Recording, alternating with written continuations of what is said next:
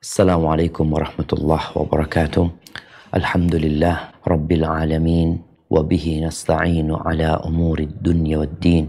Wassalatu wassalamu ala sayyidil mursalin wa imamil muttaqin qaidil ghuril muhajjalin sayyidina wa maulana Muhammad wa ala alihi wa ashabi ajma'in. Amma ba'd. Faya rabbi shrah li sadri wahlul uqdatan min lisani yafqahu qawli. Jamaah rahimakumullah. Berapa tersisa dari umur kita? Kebanyakan yang ditanyakan oleh orang itu umur berapa kamu? Sudah umur berapa? Tapi pernahkah kita merenungkan tentang sisa hidup kita di dunia ini? Yang mana setiap bertambah hari umur kita berkurang. Setiap bertambah Jumat satu Jumat umur kita berkurang. Bertambah satu bulan, satu bulan umur kita berkurang. Penambahan itu sejatinya adalah pengurangan dari waktu kita hidup. Tatkala seorang yang mengikuti budaya sebagian orang juga merayakan ulang tahun ya. Mereka berpikir umur mereka bertambah. Umurmu berkurang. Yang umurnya hanya 40 tahun ketika dia berumur 30 tahun sejatinya si dia sedang mendekati kematian. Tinggal 10 tahun lagi.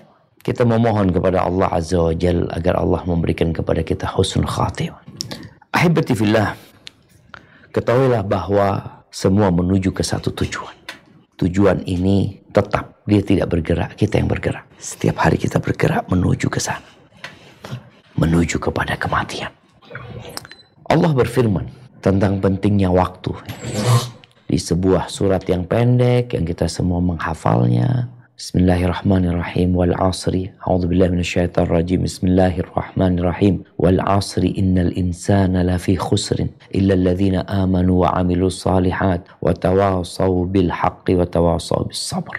Sebuah kunci kesuksesan di kehidupan yang selanjutnya. Dalam sebuah surat yang pendek yang sekali lagi insya Allah semua menghafal. Al-Imam Syafi'i rahimahullahu taala mengatakan "Lau ma anzalallahu hujjatan ala khalqihi illa hadhihi surah lakafatuh."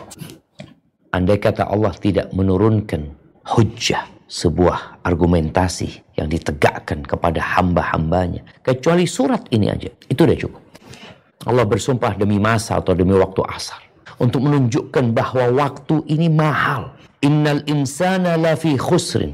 Sesungguhnya manusia dalam keadaan rugi.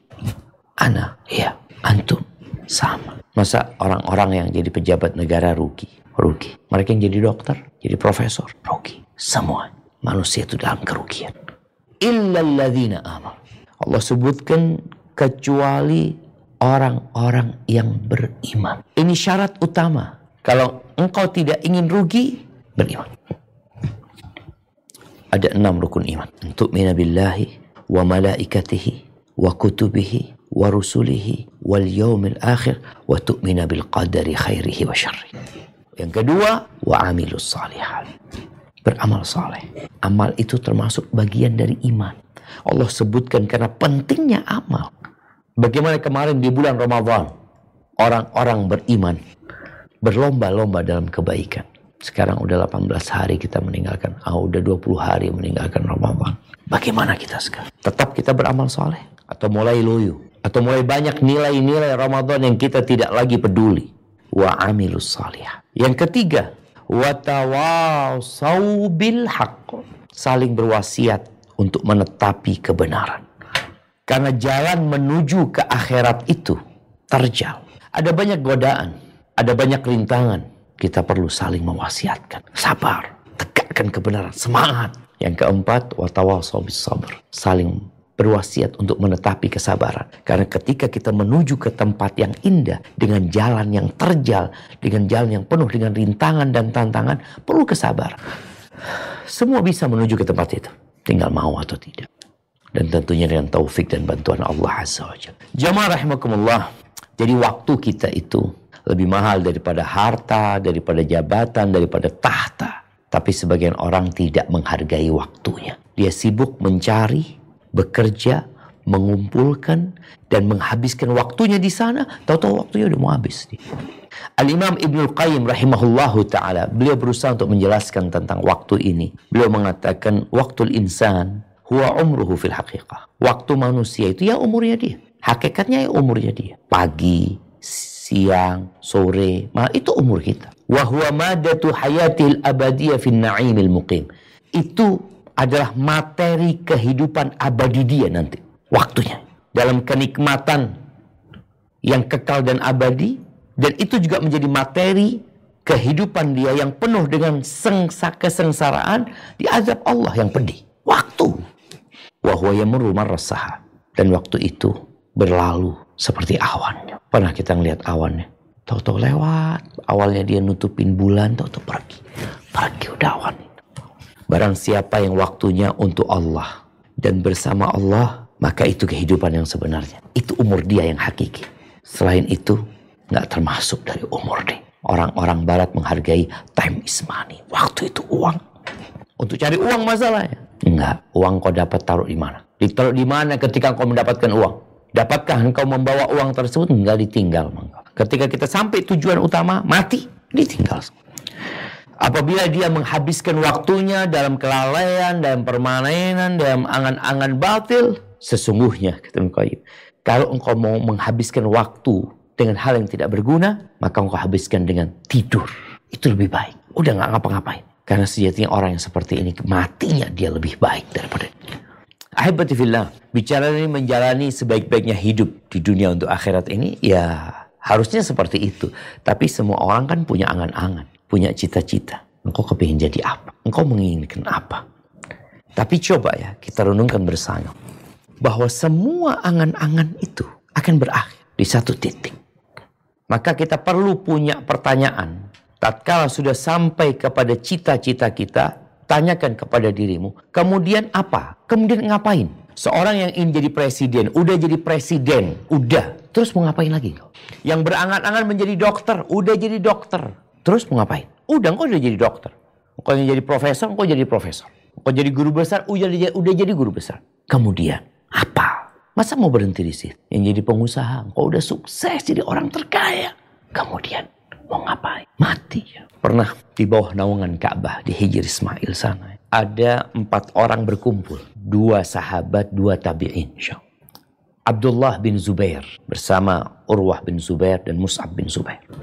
Abdullah bin Zubair, mereka pada mengatakan, ayo semuanya berangan-angan nih. Dan ada Abdullah bin Umar bin Khattab.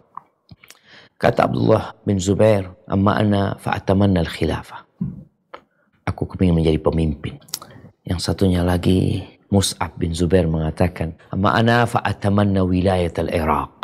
Aku berangan-angan untuk menjadi gubernur Irak. Wa an ajma' baina Sakina binti Hussein wa Fatimah binti Talha bin Ubaidillah.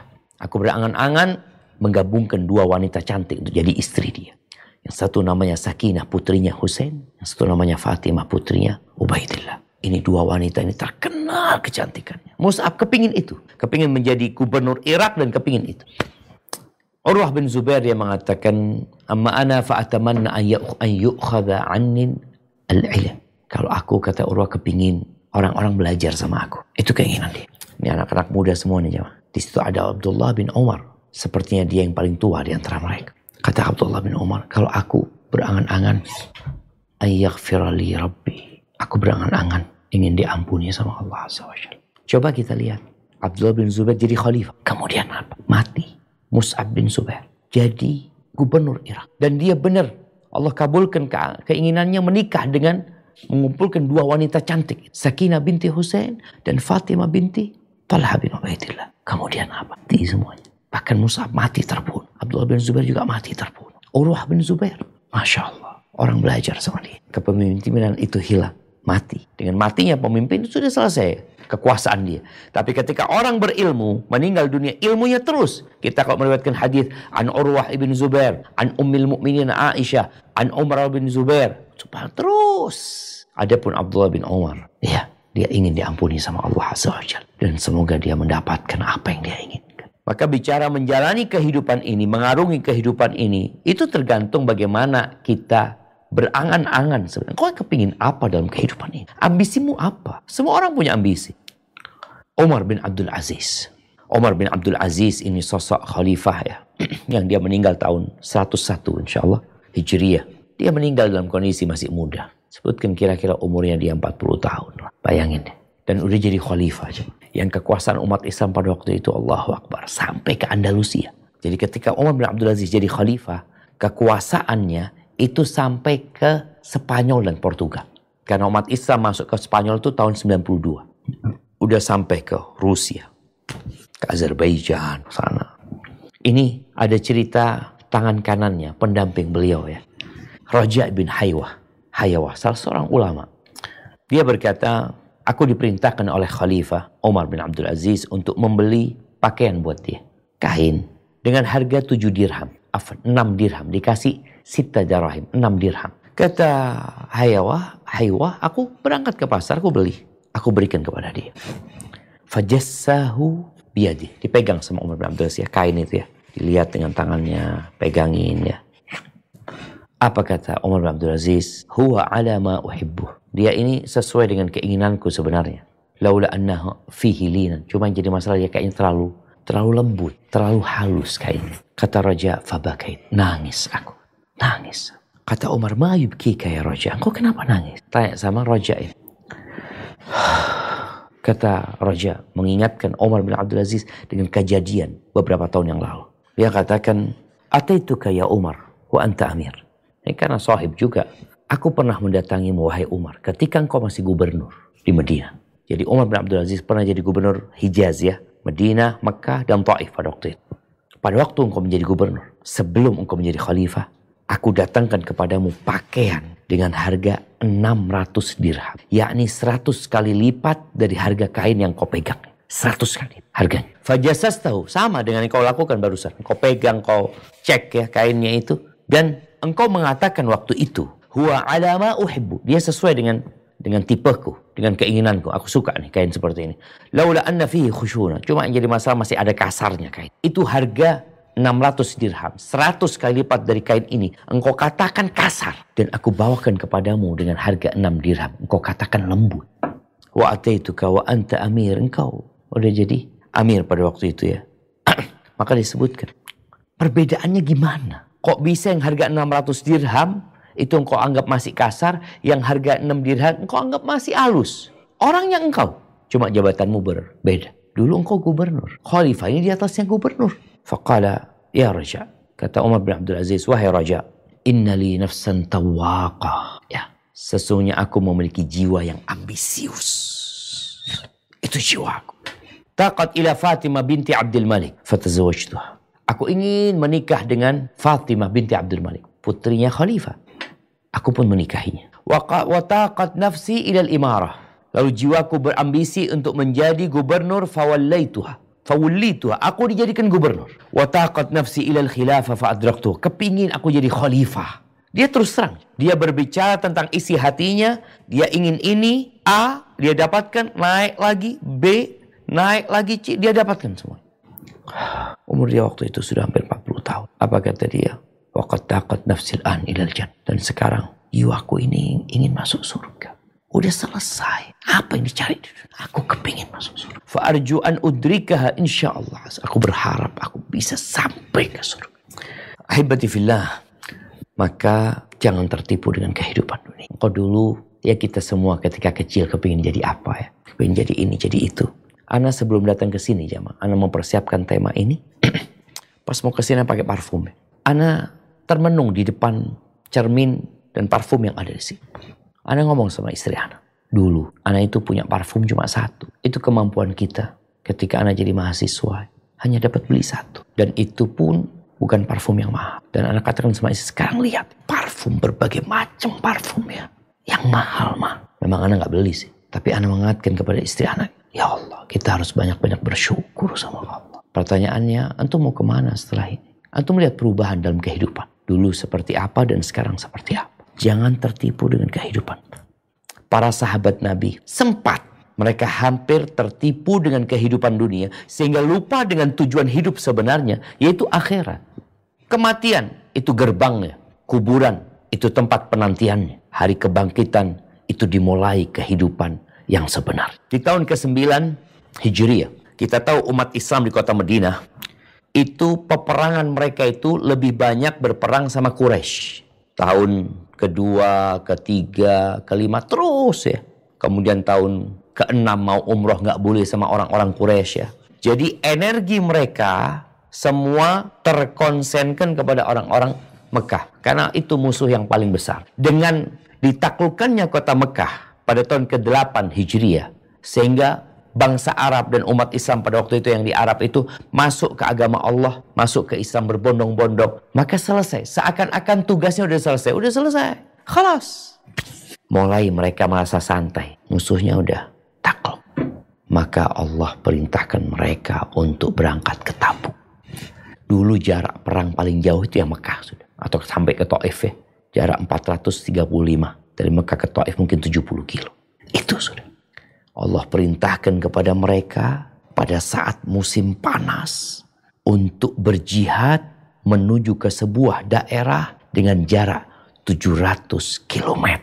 Tabuk dengan jumlah pasukan yang sangat banyak, perbekalan yang sedikit, kendaraan yang tidak mencukupi. Gak boleh berhenti. Merasa sudah selesai. Enggak. Omar bin Abdul Aziz, surga. Itu tujuannya. Maka bagaimana para sahabat Nabi tatkala mendapat panggilan untuk berjihad ke Tabuk, mulai sebagian mereka merasa berat, merasa aduh nggak perlulah ini dan itu. Kenapa? Karena mereka sudah merasa nyaman dengan kehidupan dunianya. Nyaman dengan kursinya, nyaman dengan kasurnya, nyaman dengan keluarganya, nyaman dengan pekerjaannya. Dia sudah merasa nyaman. Fulus ada, kendaraan ada. Ada apa capek-capek? Jamaah, kita di dunia ini hanya berada di terminal. Engkau berada di terminal. Engkau berada di rest area. Jangan mau bersenang-senang di rest area. Ada tempat yang lebih bagus. Atau ada tempat yang menakutkan yang menunggu kita. Kalau kita sibuk di rest area. Tidak melanjutkan perjalanan. Apa kata Allah menegur para sahabat Nabi? Generasi terbaik umat ini. Tatkala merasa nyaman dengan dunianya. Allah tegur di surat At-Taubah ayat 38 39. Coba kita baca. A'udzu billahi minasyaitonir rajim. Ya ayyuhalladzina amanu ma lakum idza qila lakum infiru fi sabilillah في سبيل الله استاقلتم إلى الأرض أرضيتم بالحياة الدنيا من الآخرة من الآخرة فما متاع الحياة الدنيا في الآخرة إلا قليل إلا تنفروا يعذبكم عذابا أليما ويستبدل قوما غيركم ولا تضروه شيئا ولا تضروه ولا تضروه شيئا والله على كل شيء قدير yang artinya hai orang-orang yang beriman apakah sebabnya apabila dikatakan kepadamu, berangkatlah untuk berperang pada jalan Allah, kamu merasa berat dan ingin tinggal di tempatmu. Apakah kamu puas dengan kehidupan dunia sebagai ganti di akhirat? Padahal kenikmatan hidup di dunia ini dibandingkan dengan kehidupan di akhirat hanyalah sedikit. Jika kamu tidak berangkat untuk berperang, niscaya Allah menyiksa kamu dengan siksa yang pedih dan digantinya kamu dengan kaum yang lain. Dan kamu tidak akan dapat memberi kemudaratan kepadanya sedikit pun. Allah Maha Kuasa atas segala sesuatu. At-Taubah 3839. Allahu Akbar ya. Merasa puas dengan kehidupan dunia. Kemudian berpikir untuk mengganti akhirat dengan dunia. Mau ditukar. Dan Allah katakan, Fama mata'ul hayatid dunya fil akhirati illa qalil. Wallahi kesenangan kehidupan dunia ini dibandingkan dengan akhirat sedikit, sedikit. Allah jemaah. Ketika orang bangga dengan tas yang dia milikin yang berharga 5 miliar umpama. Nggak tahu ada apa enggak, nggak tahu. Dengan gaun yang dia pakai yang bertahtakan permata yang mungkin berharga sampai 100 miliar. bangga dengan semua itu. Dibandingkan dengan kerudungnya bidadari surga. Itu semua isi dunia nggak bisa untuk ganti bidadari, kerudungnya bidadari surga. Sedikit jangan. Setiap kali kita makan di restoran, restoran itu menyediakan tempat cuci tangan, menyediakan toilet. Bahkan toilet menjadi kebutuhan yang harus. Kenapa ke mana pun kau pergi di dunia ini, engkau akan butuh dengan yang namanya toilet. Dan di akhirat, nggak ada toilet. Nggak ada. Engkau bisa bayangin ya, bicara nikmat itu. Allah jadikan engkau menikmatin segala-gala. Satu hari di akhirat. Sama dengan seribu tahun dalam kehidupan kalian. Dan di akhirat itu nggak ada tidur. Nggak ada. Kita butuh tidur. Kita butuh istirahat. Engkau mau bersenang-senang seperti apa pun. Engkau perlu istirahat. Engkau perlu tidur. Maka Allah jadikan ja'alna naumakum subata. Itu di dunia. Di akhirat nggak ada. Makanya kita lihat ya, bagaimana orang-orang itu mengkonsumsi berbagai macam doping supaya dia bisa tetap segar. Tapi bagaimanapun engkau di dunia, engkau harus istirahat, harus tidur. Nggak tidur, berantakan hidupmu. Di akhirat, nggak ada tidur. Ngapain? Bersenang-senang. Maka Allah menegur para sahabatnya. Kalian merasa puas. Kalian mau tinggal di tempat kalian. Nggak bakalan lama di situ. Engkau lihat orang yang paling nikmat hidupnya. Yang punya rumah bak istana. Engkau bakal meninggalkan tempat itu. Rasul SAW pernah mengatakan. Idza tabayatum bil'inah. Kalau sistem jual beli kalian inah. Sistem riba yang terselubung. Orang sudah merasa nggak apa-apa ini dan itu. Wa akhadtum adnab al-baqar wa raditum bizar. Kalian sudah puas dengan kehidupan kalian, dengan kursi kalian, dengan perdagangan kalian, dengan pertanian kalian, perkebunan kalian. Oh, menikmatin. Dia mungkin punya taman, punya ini itu, punya pertanian yang bagus. Wa taraktumul jihad dan kalian meninggalkan jihad di jalan Allah, perjuangan di jalan Allah. Apa yang akan kalian dapatkan? Mungkinkah kalian dapat menikmati harta kalian? Apakah? Sallatallahu alaikum dhullan. La yanzi'uhu hatta tarji'u ila dinikum. Allah akan menimpakan kepada kalian kehinaan. Kalian akan hidup dalam kehinaan. Walaupun bergelimang harta. Sampai kalian kembali kepada agama kalian. Ditegur sama Allah seperti itu bangkit semua sahabat. Tapi ada yang tergoda dengan dunianya. Bahkan ada sebagian sahabat yang tidak ikut perang pada waktu itu. Ada tiga sahabat. Orang-orang munafik jelas sudah mereka nggak ikut perang. Orang-orang munafik nggak siap berjuang. Dia takut kehilangan nyawa mereka, harta mereka.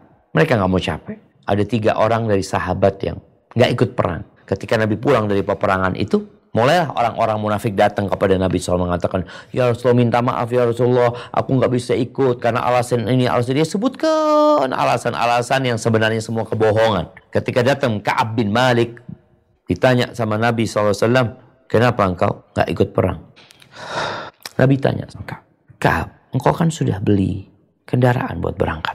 Nah, iya ya Rasulullah. Kata Ka'ab, ya Rasulullah, wahai Rasulullah.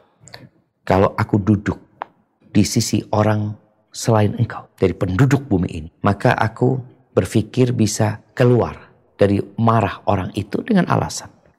Allah sudah kasih aku pinter ngomong aku ini ya Rasulullah. Tapi aku tahu kalau aku sampaikan kepadamu ucapan yang bohong dan engkau kemudian memaafkan aku. Aku yakin Allah akan membuatmu marah sama aku. Dan kalau aku jujur sama engkau, ya aku berharap Allah berikan kebaikan kepada aku. Kata Ka'ab, aku nggak punya alasan untuk tidak ikut perang ya Rasul. Aku benar-benar dalam kondisi yang paling prima sekarang ini untuk berangkat. Tapi nggak tahu mau berangkat, mau berangkat. Mau berangkat, Kaab itu mau berangkat. Ya nanti aku mau berangkat. Sampai ternyata Nabi pulang. Kenapa? Menunda-nunda. Dia mau berangkat. Subhanallah. Sahabat yang lainnya Abu Khaytham. Dia sama, dia menunda-nunda keberangkatan. Sampai suatu Nabi udah berangkat perang bersama para sahabatnya. Jumlah pasukan 330 ribu pada waktu itu. Satu, uh, satu onta untuk bergantian tiga orang. Bekal nggak banyak. Dan para sahabat pada waktu itu, subhanallah mereka mati-matian ya. Berbagi harta yang mereka milikin Abu Bakar datang semua hartanya, Umar dengan separuh hartanya, Utsman mempersiapkan 100 pasukan ya. Uh, ada kalau nggak salah 1000 dinar yang dia persiapkan. Ada banyak pokoknya para sahabat semua berlomba-lomba pada waktu itu. Abu Khaythama ini nggak berangkat. Nabi udah berangkat.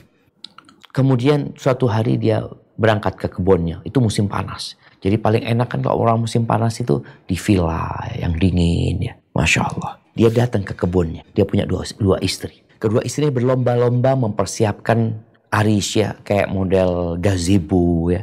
Dengan air dingin di situ, makanan disiapkan di situ. Kemudian Abu Hisama ini mau masuk ngelihat, mungkin kanan kiri. Dia melihat apa yang lakukan kedua istri. Lalu dia mengatakan, Rasulullah sallallahu alaihi wasallam fi dhahyi warrihi wal har. Nabi kepanasan, kena terik matahari, kena angin yang panas. Wa Abu Khaythama fi dhillil barid. Sedangkan Abu Khaytham maksudnya diri dia berada di bawah naungan yang dingin, makanan yang dipersiapkan bersama istri yang cantik, harta yang begitu nikmat. Kata dia, mahadha bin nasaf. Gak fair kayak gini, gak fair kata dia. Maka dia mengatakan kepada istrinya, Wallah, demi Allah, aku gak akan masuk ke gazebo satu orang pun dari kalian. Persiapkan buat aku untuk bergabung dengan Rasulullah SAW. Akhirnya kedua istrinya mempersiapkan bekal, dinaikkan ke onta, berangkat Abu Khaitam. Dan sampai ke Tabuk. Ahibati apa sih yang tersisa dari dunia ini jemaah? Yang bisa kita ambil sebagai bekal akhirat kita. Mu'ad bin Jabal ya. Dia seorang sahabat Nabi. Salah satu ulama dari sahabat Nabi. Matinya juga muda. Mu'ad bin Jabal ini. Ketika dia mau meninggal dunia. Pada hari itu dia berpuasa. Dia tanya sama budaknya. Coba lihat. Udah tenggelam nggak matahari? Belum. Tunggu lagi berapa lama ya? Tanya lagi Mu'ad. Udah tenggelam nggak matahari? Mu'ad meninggal karena penyakit taun ya. Belum kata dia. Ah, terakhir dia pembantunya mengatakan, iya udah tenggelam. Ketika itu Mu'ad mengatakan marhaban bil maut. Selamat datang dengan kematian. Marhaban dengan yang ditunggu-tunggu. Yang gaib, yang sekarang ditunggu. Dia mengatakan maaflah wallahi man nadima ala dunia. Demi Allah tidak akan beruntung orang yang menyesali dunia. Maksudnya menyesali karena nggak beli rumah, karena nggak ini itu. Urusan dunia disesali. Akan beruntung. Dunia akan dia tinggalkan. Lalu Mu'ad mengatakan, Allahumma innaka ta'alam. Ya Allah engkau tahu ya Allah. Sesungguhnya engkau tahu. Anni lam uhibbal baqa fid dunya. Aku nih kepingin hidup di dunia. Bukan karena ingin membuat sungai ya. Atau menanam pepohonan. Atau mengumpulkan harta. Aku kepingin hidup di dunia itu.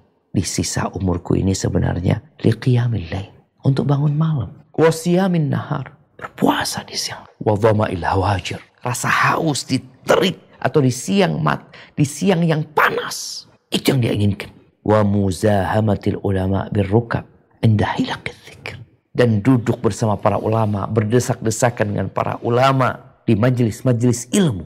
Ahan ila itu, ah itu yang dia inginkan. Kemudian dia meninggal Tiga hal. Kalau bicara menjalani sebaik-baiknya hidup di dunia untuk akhirat ini, Muad menyebutkan apa di sini? Qiyamul Lail. Kemarin Ramadan kita Qiyamul Lail. Sebulan penuh.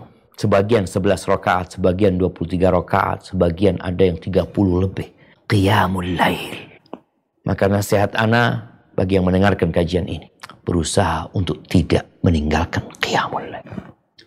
Rasul SAW mengatakan, Ayuhan nas. Ketika beliau masuk ke kota Madinah, hijrah. Ucapan pertama beliau katakan kepada mereka, Ayuhan nas. Afshus salam Wahai umat manusia, tebarkan salam. Wa'at imut ta'am. Berbagilah makanan dengan orang-orang. Wasilul arham. Sambung rahim kalian. Wasallu bil lail. Wan nasu niyam. Salatlah di malam hari tatkala orang-orang tidur. Salat ketika orang-orang tidur. Tadkhulul jannah bisalam. Kalian akan masuk surga dengan selamat. Bagaimana Nabi SAW mendapatkan pesan dari Jibril tentang qiyamul lail. Wa'alam anna syarafal mu'min qiyamuhu bil lail. Ketahuilah bahwa kehormatan kemuliaan seorang muslim itu adalah dengan qiyamul lail. Jadi kalau ada muslim cari kehormatan, cari kemuliaan dengan berbagai macam cara lalu dia lupa qiyamul lail, dia salah tempat mencari kemuliaan. Jaga nilai-nilai Ramadan itu. Bangun malam. Yang lebih utama sepertiga malam akhir. Kau nggak bisa sebelum tidur. Seperti yang kau lakukan ketika Ramadan. Habis Isya udah sholat. Dua, dua, dua, dua, tiga 11 rakaat. Atau engkau maunya berapa rakaat? Yang kau mampu, yang penting istiqomah. Jaga itu muat sampai mau meninggal. Itu yang dia pikirkan dalam kehidupan dunia. Karena itu yang bakal dampingi dia di kuburan. Yang kedua puasa sunnah. Selesai puasa Ramadan. Kalau bicara Ramadan, kewajiban. Dan orang dalam melaksanakan kewajiban yang namanya kewajiban mau nggak mau dikerjain. Wajib. Ketika ada sesuatu yang tidak wajib, di sini orang akan berbeda. Maka bagaimana muat rajin puasa sunnah? Dan bagaimana Rasul Sallallahu Alaihi Wasallam menjelaskan tentang puasa sunnah ini? Man sama yawman fi sabilillah. Barang siapa yang berpuasa satu hari dan Allah. Ba'adallahu bainahu wa bainan nar sab'ina kharifan. Allah akan jauhkan antara dirinya dengan api neraka sejar, sejarak 70 tahun. Dan puasa itu ibadah yang sangat dicintai Allah Azza Berat bagi kita berpuasa di saat orang lain tidak berpuasa. Di bulan Ramadan, ya semua pada puasa. Tapi bagaimana engkau dapat menjaga puasa, menahan haus, menahan lapar di saat orang-orang makan? Kalau tadi bagaimana engkau bangun malam di saat orang-orang tidur, orang-orang sedang istirahat, sedang tenggelam dalam mimpi mereka, engkau bangun malam. Dan di siang hari saat orang-orang menikmatin makanan, menikmatin jamuan, engkau lihat semua restoran terbuka, di lampu merah banyak orang jual air dingin ini, engkau. Itu bekal untuk menuju kehidupan akhir. Bagaimana nanti puasa akan datang membelam. Dan ingat bicara malam hari, membaca Al-Quran. Dalam sholat itu di malam hari lebih utama daripada di siang hari. Kemudian yang ketiga yang diinginkan oleh Mu'ad sebagai bekal dia untuk kehidupan akhirat yang dia inginkan ketika dia hidup di dunia adalah menuntut ilmu agama. Alhamdulillah kita bisa online. Alhamdulillah ini sebuah sarana sehingga kita bisa tetap belajar. Tapi sekali-kali kalau bisa sering kita hadir ke majelis ilmu. Engkau duduk dengan lututmu di majelis ilmu itu. Atau engkau tabrakkan lututmu dengan orang-orang sekitarmu. Belajar ilmu agama. Karena itu menjadi bekal derajat yang tinggi. Di dunia kita lihat bagaimana orang dimuliakan karena ilmunya.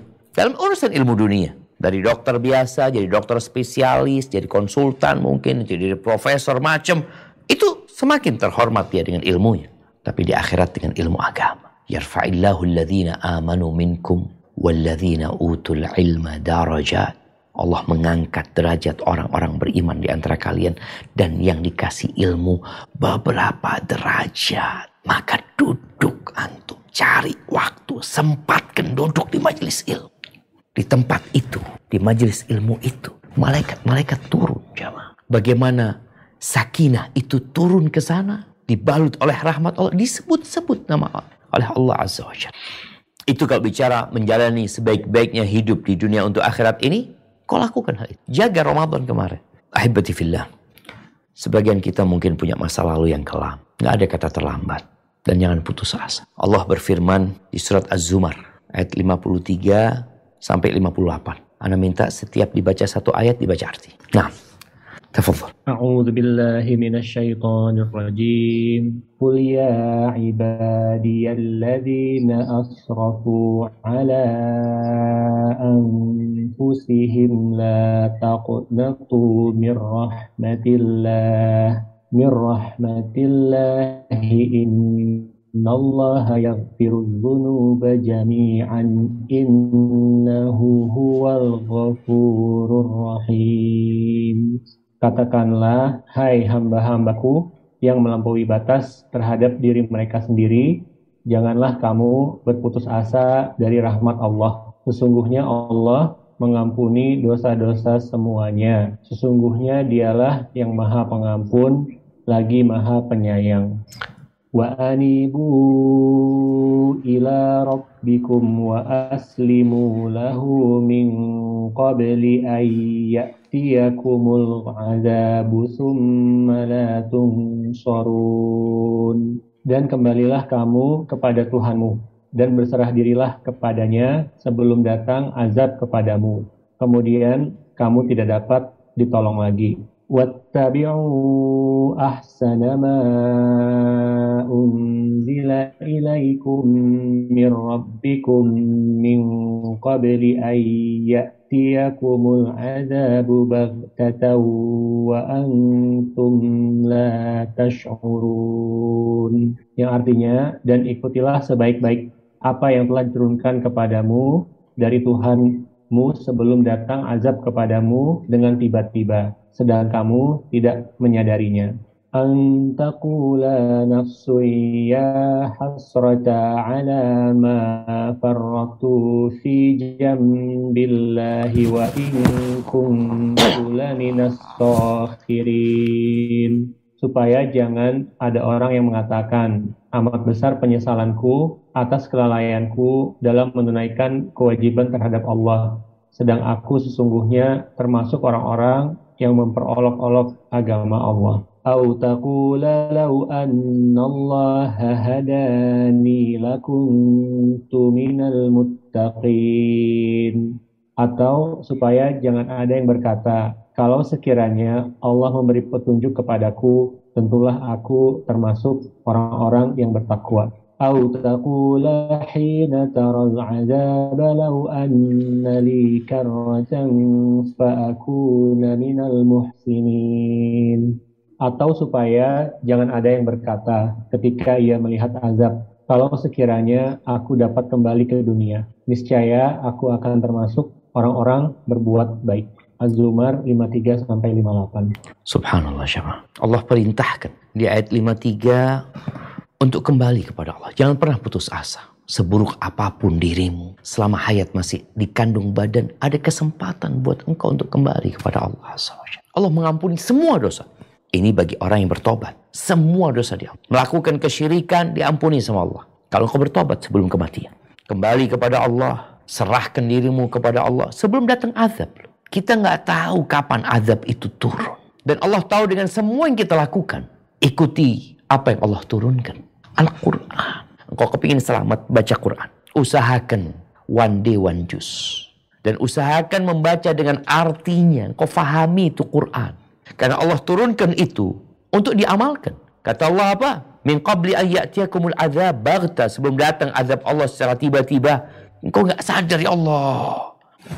Supaya nggak ada lagi yang mengatakan ya Allah, aku kok bisa seperti ini ya? Kenapa aku memperoleh Allah agama dahulunya? Atau mengatakan kalau dulu dapat hidayah aku akan jadi orang yang bertakwa supaya dia nggak berkata juga. Kalau aku ketika dia melihat azab nanti pada hari kiamat kalau ada kesempatan aku mau balik ke dunia nggak ada. Kau punya waktu sekarang. Dan waktu kita beda-beda. Tidak selalu yang lebih tua berangkat dahulu. Berapa banyak yang muda yang belum mengenyam sedikit kenikmatan dunia ya sudah mati. Jangan menunda-nunda. Ingat kita hanya berada di rest area. Kita harus melanjutkan perjalanan ambisimu tetap akhirat. Jaga sholat malam, terus berusaha puasa sunnah, dan belajar ilmu agama. Hada wallahu alam itu yang dapat Anda sampaikan. Kurang lebihnya mohon maaf, semoga bermanfaat buat kita semua. Ana kembalikan ke moderator, Dr. Rian, jazakumullah khair. Barakallahu fiqh Ustaz, jazakallah khair Ustaz atas materi dan ilmunya. Masya Allah menjadi pengingat buat uh, kita semua ya Ustaz ya. Ini ada beberapa pertanyaan Ustaz uh, sudah ada dua orang yang resen. Saya persilahkan dulu untuk uh, partisipan Sutriani. Mohon bisa unmute dan bisa bertanya langsung kepada Ustaz. Assalamualaikum warahmatullahi wabarakatuh. Ustaz. Waalaikumsalam warahmatullahi wabarakatuh. Ahlan wa sahlan. Nam, tafadhali. Ustaz, saya dari Sulawesi eh, dari sebenarnya sudah lama ingin bertanya karena saya tidak tahu di mana saya harus bertanya pertanyaanku ini. Eh, suami selalu marah hal-hal sepele dan selalu mengatakan kisah dan menyuruh saya mengurus diri saya sendiri dan menyuruh saya pergi dari rumah. Nah. Tolong nasihatnya Ustadz, apa yang harus saya lakukan? Ya syukran, jazakallahu khairan Ustadz. Masya Allah, barakallahu fiqh. Nah, ahibati fillah. Ada asap, ada api. Buat ukhti yang bertanya, engkau mungkin memiliki suami yang memang mudah marah.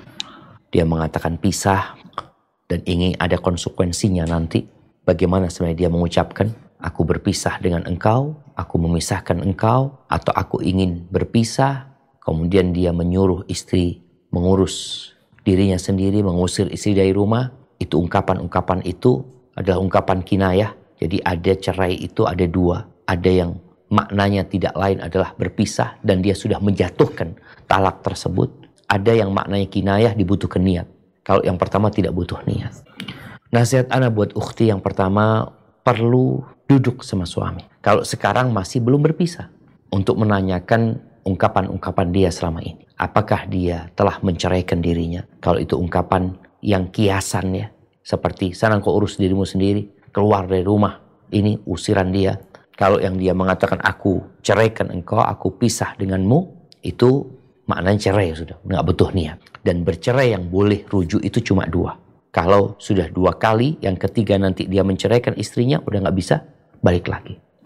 Maka nanti ingat-ingat seperti apa kata-kata suami yang sebenarnya. Mungkin di kampung di sana masyarakat ada ada ustadz ya. Atau tanya nanti secara online kepada bisa bayi pun kepada ustadz-ustadz mungkin yang memang ada di daerah situ. Karena masalah perceraian ini terkadang perlu mendengarkan dari kedua belah pihak. Dari pihak istri dan pihak suami. Apa sebenarnya yang dikatakan suami ada suami yang mengatakan subhanallah cerai kepada istrinya ketika dia marah dia nggak sadar istrinya setelah itu ngomong bang kau tadi ngomong cerai loh kau mengatakan sudah aku ceraikan kau kata suami aku nggak ingat Nah ini nggak jatuh cerai. Jadi masalah ini masalah yang perlu kehati-hatian. Baik, ini masalah yang berkaitan dengan cerainya ya. Adapun menghadapi suami, bagaimana menghadapi suami yang seperti itu? Istri itu udah tahu dengan kebiasaan suami. Maka dia perlu minta tolong sama Allah, kemudian berusaha untuk tidak memancing emosi suami. Selalu banyak yang mengatakan tentang amarah suami, bahwasanya suami aneh, Ustaz, masalah-masalah remeh Ustaz. Ya udah, engkau tahu ini orang nggak bisa dengan masalah yang remeh. Engkau harus hindari. Ustaz, namanya orang suka lupa, minta tolong sama Allah. Engkau bulatkan hatimu, engkau pasang tekadmu, minta pertolongan Allah untuk memuliakan suami. Jangan sampai melakukan kesalahan kepada suami. Insya Allah dengan pertolongan Allah dengan mendoakan suami. Suami yang awalnya suka marah. Insya Allah dia jadi nggak suka marah. Seperti kisah seorang wanita setelah 13 tahun menikah ya. Dia cerita aku punya suami 6 tahun tuh zalim suaminya awal menikah sampai enam tahun dolim suami. Suka memukul, suka memaki ini dan itu. Tapi sang istri setiap kali ditanya sama orang tentang suaminya selalu dipuji suami. Suamiku baik, suamiku bagus, ini dan itu. Maksudnya bagus lebih baik dari orang lain yang lebih parah dari dia. Sampai setelah enam tahun ya, sang istri ini sabar, berdoa. Tujuh tahun, enam tahun kemudian suaminya dapat hidayah. Jadi baik. Bahkan sang istri mengatakan, ini mengatakan setelah 13 tahun ya. Suamiku itu seperti cincin di tanganku. Dia buka, dia pasang. Karena baiknya suaminya. Seperti itu. Semoga Allah mudahkan urusan anti. Hada wallahu alam. Jazakallah khair Ustaz atas penjelasannya. Ana undang uh, Leo Andrian untuk bertanya langsung. Silakan. Ya, uh, jazakallah khairan Dr. Rian. Assalamualaikum warahmatullahi wabarakatuh Ustaz. Waalaikumsalam warahmatullahi wabarakatuh. Ahlan wa sahlan. Nah, barakallahu ya, ya, barakallahu fikum Ustaz. Uh, Ustaz, Ana mendengar perkataan Ustaz bahwa apa namanya amal ibadah yang kita lakukan itu semata-mata harus uh, ikhlas gitu, hanya untuk ridha Allah semata dan tidak mengharapkan pahala. Dan uh, beliau juga menyebutkan bahwa ikhlas itu ada tiga tingkatan dan waktu itu sih tidak disebutkan ya ting, uh, tiga tingkatan tersebut. Nah, mohon pencerahan nih terkait ini Ustaz. Masya itu aja Ustaz. Jazakallah. Dan dan kalau nggak salah ini perkara akidah ya Ustaz ya. Iya. Hmm. Ya jazakallah. Assalamualaikum warahmatullahi wabarakatuh. Masya Allah. Barakallah fiik. Iya jemaah bicara ikhlas itu berharap perjumpaan dengan Allah, berharap keriduan Allah semata. Apakah orang yang ikhlas itu kemudian dia dilarang untuk minta pahala dari Allah? Apakah kalau dia minta pahala dari Allah, kemudian dia jadi nggak ikhlas. Ketahuilah bahwasanya Allah Jalla Jalaluh, dia yang menawarkan kepada kita surganya. Dia yang mengatakan, wasari'u ila maghfiratin min rabbikum wa jannah. Di sini disebutkan kalian berlomba-lombalah menuju ke mana ampunan Allah. Di sini kita kalau bicara ikhlas, kita cari ampunan Allah, kita cari keridhaan Allah, itu aja enggak. Allah katakan wa jannatin arduhas samawati wal ard. Dan surga yang luasnya seluas langit dan bumi. Uiddat lil muttaqin. Disediakan bagi orang-orang yang bertakwa. Dan kalau kita melihat doa kita, bahkan doa yang sering dibaca Nabi SAW yang disebutkan dalam Al-Quran, Rabbana atina fid dunya hasanah. Kita melihat ya Allah berikan kepada kami kebahagiaan di dunia, kebaikan di dunia. Wa fil akhirati hasanah dan kebahagiaan di akhirat. Wakina ada benar dan selamatkan kami dari api neraka. Doa kita itu ada dua. Ada doa ul ibadah, ada doa ul masalah. Doa yang ibadah, bentuknya ibadah kita. Sebenarnya dalam ibadah itu ada permohonan. Orang yang sholat dia memohon, orang yang berangkat haji dia memohon, orang yang bersodakoh dia berpuasa, dia sedang memohon dengan ibadah itu. Ada yang dia pinta. Keridhaan Allah iya. Dia minta surga? Nah. Dan ada doa yang memang masalah. Masalah kita memohon kepada Allah Azza wa Jadi sebenarnya kalau ada yang berpendapat bahwasanya meminta keriduan Allah itu tidak boleh kita meminta pahala. Kalau minta pahala dari Allah berarti kita tidak ikhlas kayaknya kurang tepat. Karena bagaimana Rasulullah Shallallahu Alaihi Wasallam ya ketika menegur Muad bin Jabal Muad itu pernah sholat jamaah baca Al-Baqarah. Subhanallah dari semangatnya di sholat isya jadi imam baca Al-Baqarah. Kemudian ada satu orang yang memisahkan diri ditegur Muad sama Nabi SAW lalu orang ini yang memisahkan diri mengatakan aku itu nggak tahu tentang apa sebenarnya yang sedang kalian inginkan dengan ibadah itu kalau aku cuma sekedar minta surga supaya dijauhkan dari api neraka. Itu yang diinginkan. Kata Nabi SAW, haulaha nudantin. Di sekitar itu kita bergerak sebenarnya. Cari surga dan supaya dijauhkan dari api neraka. Dalam beribadah kepada Allah, ada tiga yang perlu kita perhatikan. Yang pertama, cinta kepada Allah. Jadi kita beribadah karena cinta kepada Allah. Ini digambarkan seperti kepala burung. Ya. Kepala burung ini yang memandu. Kalau bicara cinta, itu yang memandu ke mana kau akan pergi. Dan dua sayapnya ini yang dibutuhkan dalam beribadah kepada Allah. Yang satu namanya roja, yang satu namanya khauf. Yang satu namanya harapan, yang satu namanya rasa ketakut, rasa takut, cemas. Ketika dia burung hanya punya kepala, oh cinta dia, tapi dia nggak punya sayap, dia nggak akan terbang. Burung nggak ada yang terbang hanya dengan kepalanya. Begitu pula dalam beribadah kepada Allah. Hanya dengan cinta, bagaimana engkau akan beribadah. Allah temukan di diri kita ketakutan dan rasa harap. Dan Allah ciptakan surga, Allah ciptakan neraka. Allah janji ketika kau melakukan itu, aku akan kasih surga Allah Azza wa. Makanya kalau kita lihat, illal ladzina amanu wa amilus solihat, falahum ajrun ghairu. Bagi mereka pahala yang tidak terputus-putusnya. Allah mengatakan fa'amma man thaqulat mawazinu fahuwa fi 'ishatir radiyah. Allah sebutkan itu. Karena bagaimanapun manusia di dirinya, jangan bicara akhirat ya, bicara dunia. Engkau punya keinginan. Engkau ada hal-hal yang kau takutkan dalam kehidupan ini. Engkau takut bangkrut, engkau takut sakit, engkau takut kena musibah, kena petaka. Itu ada. Dan Allah berikan hal itu agar engkau takut. Dan Allah kasih kesenangan. Kemudian kalau bicara akhirat, ada yang mengatakan nggak boleh, nggak tepat ma. Man sama Ramadan. Kemarin yang puasa Ramadan. Yang imanan wahtisaban. Karena iman dan berharap pahala. Tentunya itu yang akan mendapatkan ampunan dari Allah SWT.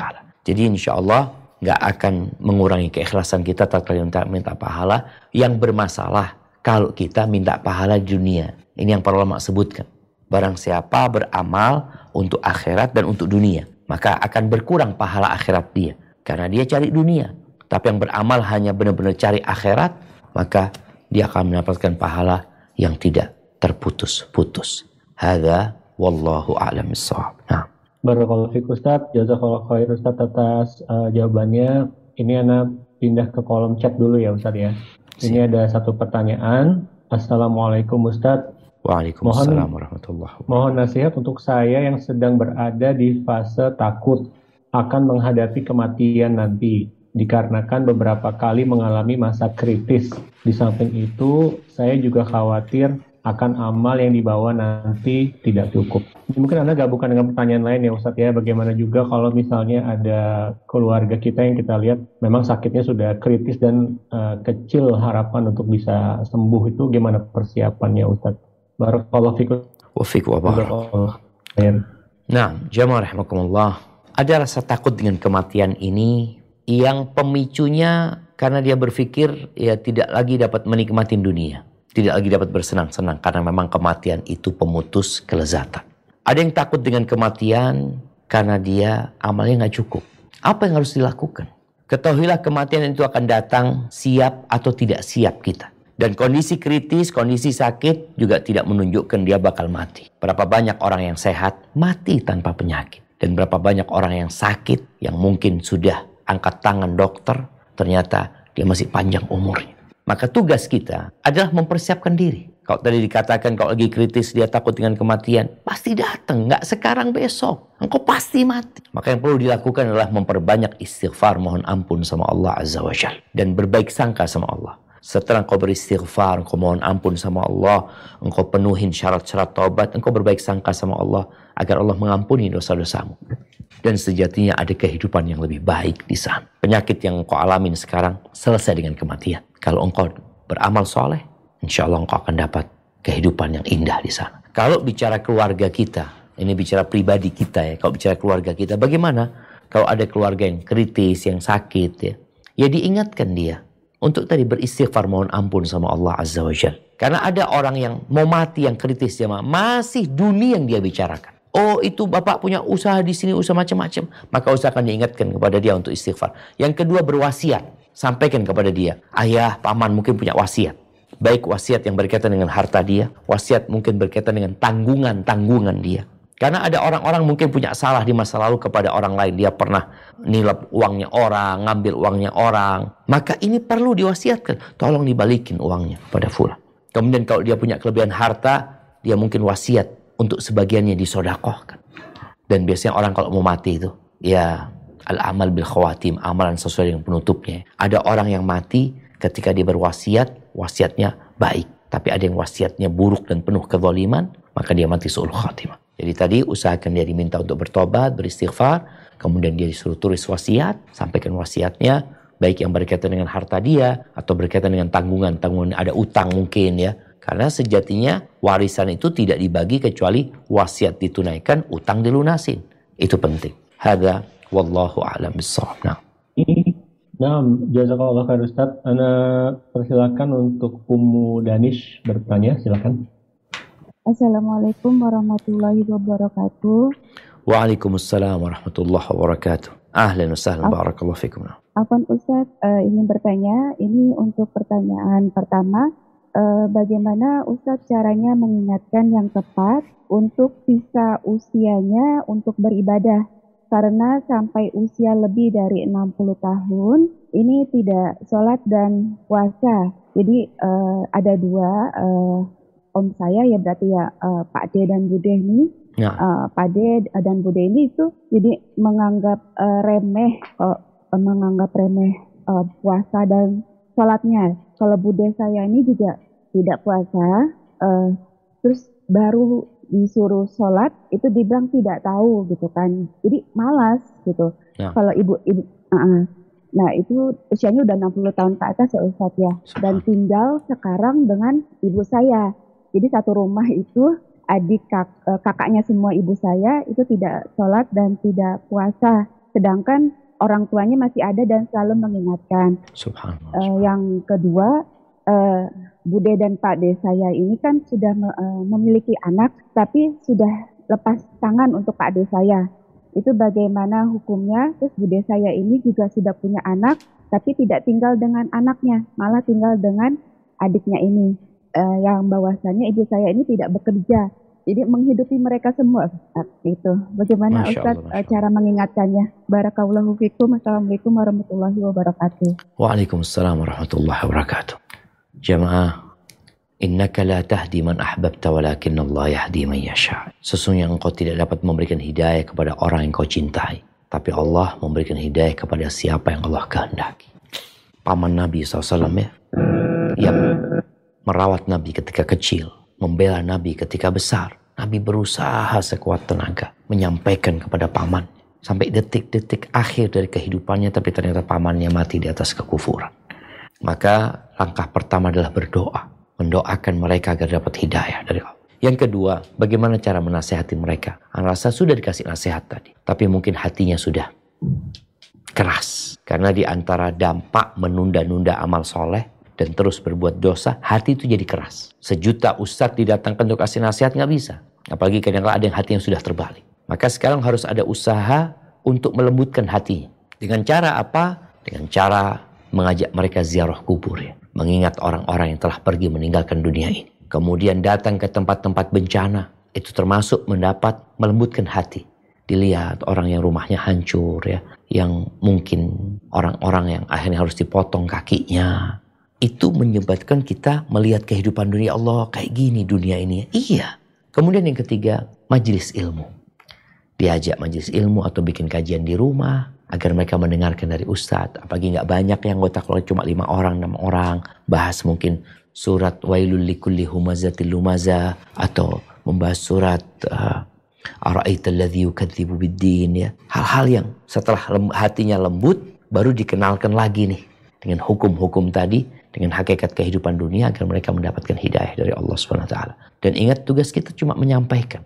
Adapun berkaitan dengan mereka yang hidup sama adiknya ya, artinya sama adiknya mereka padahal mereka punya anak, tapi anaknya mungkin berlepas diri. Nah, di sini berarti kita perlu ngobrol sama anak-anak mereka, sepupu ya, hitungannya dengan yang bertanya. Bagaimana mengingatkan mereka dengan kewajiban berbakti kepada orang tua. Orang tua itu pintu rizki ya. Yang namanya silaturahim itu kan meluaskan rizki dan memanjangkan umur. Jadi perlu ada usaha untuk ngobrol sama mereka, ngasih nasihat mereka. Subhanallah, kemarin ya, atau hari Senin, hari Senin, enggak, hari-hari Selasa, kita itu ada sidang skripsi mahasiswa tentang alasan anak meninggalkan kedua orang tua yang di panti jom di Jember sih. Macam-macam alasannya. Jadi ada alasannya yang kembali kepada anak, ada alasannya kembali kepada orang tua. Di antara alasan yang kembali kepada orang tua, ada orang tua memang dia sibuk cari dunia. Nggak peduli sama anaknya, tidak mendidik anaknya, tidak mengajari anaknya. Dia hanya berpikir kirim duit, sehingga anaknya tidak dapat perhatian dan kasih sayang dari orang tua. Sehingga tatkala orang tuanya butuh kasih sayang mereka, nggak dapat. Perhatian mereka, anak-anak nggak kasih. Jadi ada yang kesalahannya dari orang tua. Ada orang tua yang cerita dia dulu kasar sama anaknya, nggak peduli sama anaknya, dia tinggalkan anak itu sama ibunya atau sama neneknya, maka anaknya pun kemudian berbuat itu. Ini bukan berarti perbuatan anak benar ya, enggak. Tapi hanya ingin menyampaikan apa penyebab kemudian anak nggak mau sama orang tua, mendidik atau merawat orang tuanya. Maka tetap engkau perlu ngasih nasihat kepada mereka. Bagaimanapun perbuatan orang tua, tetap mereka orang tua. Dan tugas kita berbakti kepada orang tua. Hadza wallahu a'lam Nah.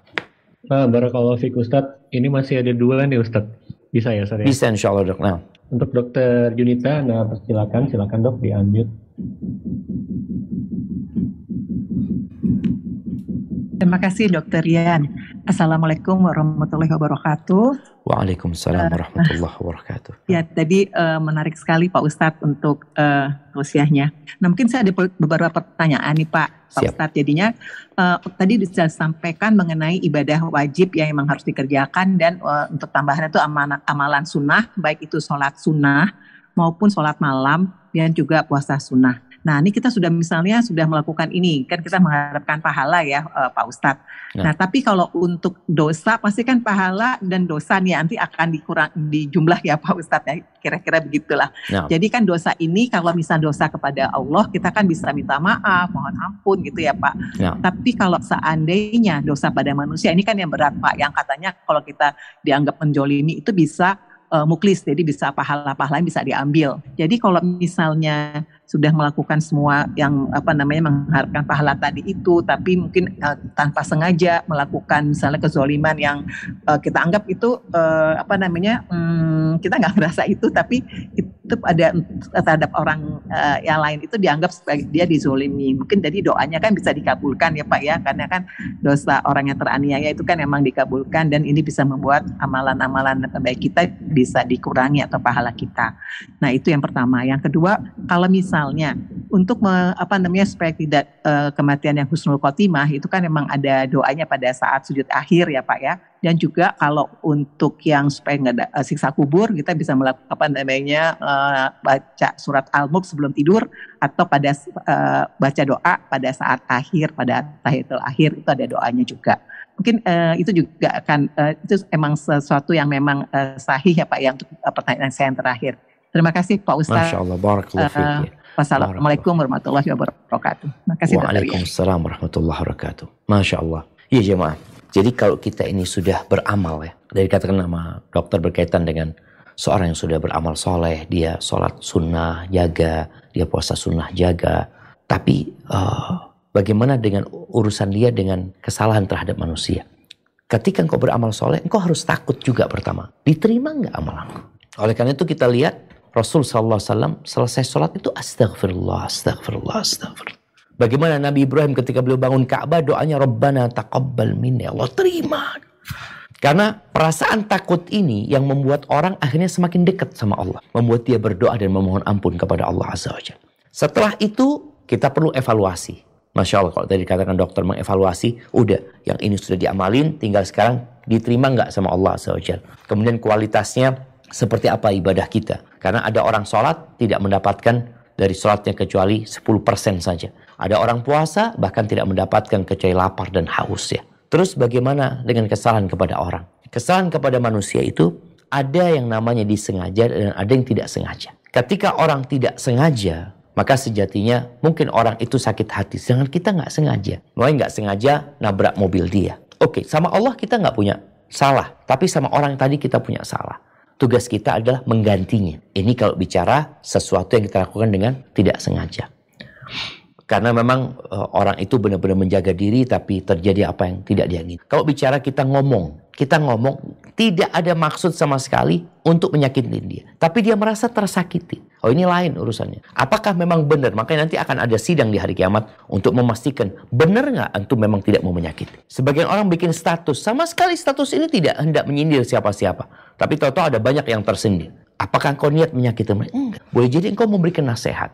Jadi kalau bicara nanti tentang orang-orang yang kita sakitin dengan tidak sengaja, maka insya Allah Allah akan memaafkan kita kalau kita benar-benar tidak sengaja. Tapi kalau ada yang berkaitan dengan urusan dunia, maka tetap harus diselesaikan di dunia ini. Seperti tadi contoh, kita nabrak tidak sengaja, atau kita memecahkan botol dia dengan tidak sengaja, dan kita tahu itu konsekuensinya kita ganti. Itu urusan di dunia ini. Bicara tentang muflis ini memang menakutkan.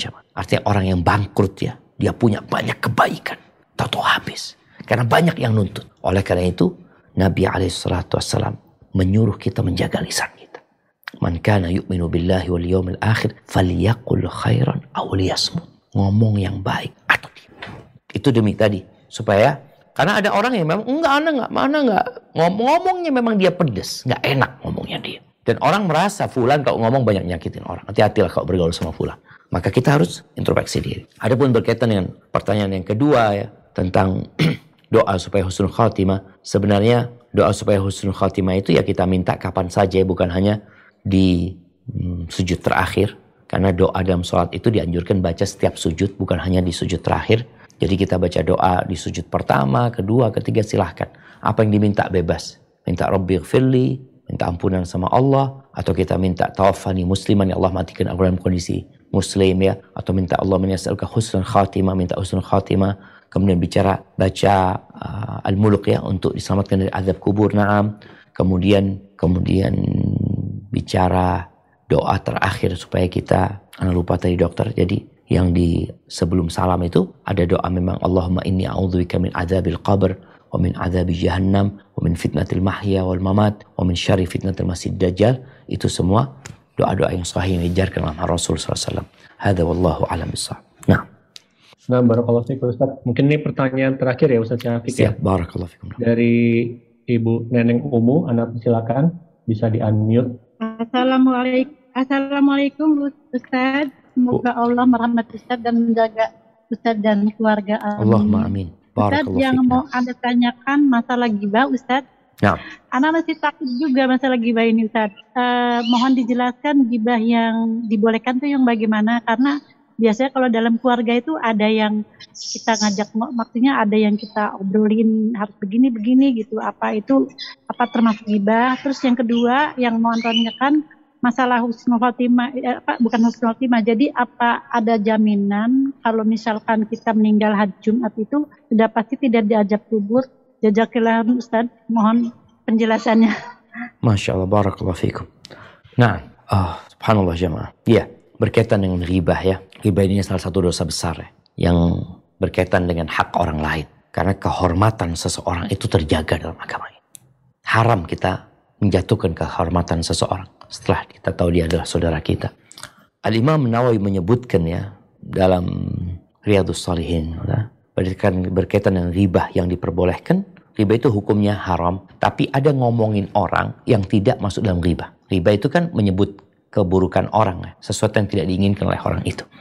Yang tidak termasuk riba yang terlarang adalah mutawallimin, orang yang dizolimi. Kemudian dia sedang mencari yang dapat menolong dia. Maka dia ceritakan, aku tuh dapat perlakuan kayak gini, kayak gini, kayak gini. Seperti umpamanya di pondok mungkin ini ada anak-anak yang dizolimi sama kakak kelasnya. Ketika dia menceritakan keburukan itu, karena dia dizolimin nggak apa-apa. Yang kedua, eh, orang yang sedang memberikan definisi tentang seseorang. Ada fulan, seperti itu.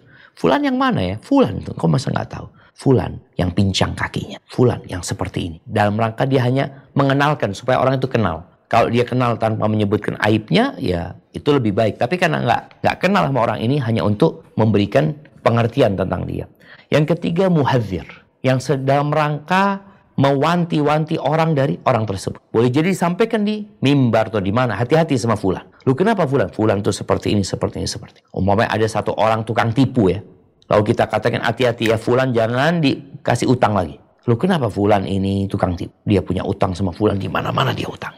Itu termasuk yang diperbolehkan. Kemudian wa mujahirin fisqan, orang yang berbuat dosa besar terang-terangan, minum, dia berzina, dia apa terang-terang, nggak ada kehormatan bagi dia. Orang fasik itu yang berbuat fasik terang-terangan ya, artinya dia menunjukkan bahwasanya dia orang jahat memang. Karena ada orang berbuat dosa sembunyi-sembunyi. Ini enggak, dia terang-terangan. Kemudian wa mustaftin, termasuk riba ini diperbolehkan minta fatwa. Ini tentunya dengan datang kepada orang yang bisa memberikan fatwa. Dia sampaikan ada kejadian seperti ini seperti ini, apa hukumnya? Fulan melakukan ini kepada ini, apa hukumnya? Dia minta fatwa, disebutkan namanya nggak apa-apa. Suami nyebutkan nama istrinya, istri nyebutkan nama suaminya, itu nggak apa-apa ketika sedang meminta fatwa. Atau yang terakhir adalah yang meminta pertolongan dalam menghilangkan kemungkaran. Ada perbuatan jahat di sebuah tempat, ada kemungkaran, kita sedang mencari pertolongan supaya ini bisa dihilang. Kita ceritakan, di tempat itu ada prostitusi. Di tempat itu Fulan namanya. Fulan ini kayaknya melakukan ini dan itu. Ini dalam rangka uh, menegakkan kebenarannya itu nggak apa-apa. Adapun pertanyaan yang terakhir tadi berkaitan dengan apakah yang meninggal di hari Jumat itu sudah pasti uh, tidak akan disiksa dari adab kubur menjadi tanda husnul khotimah.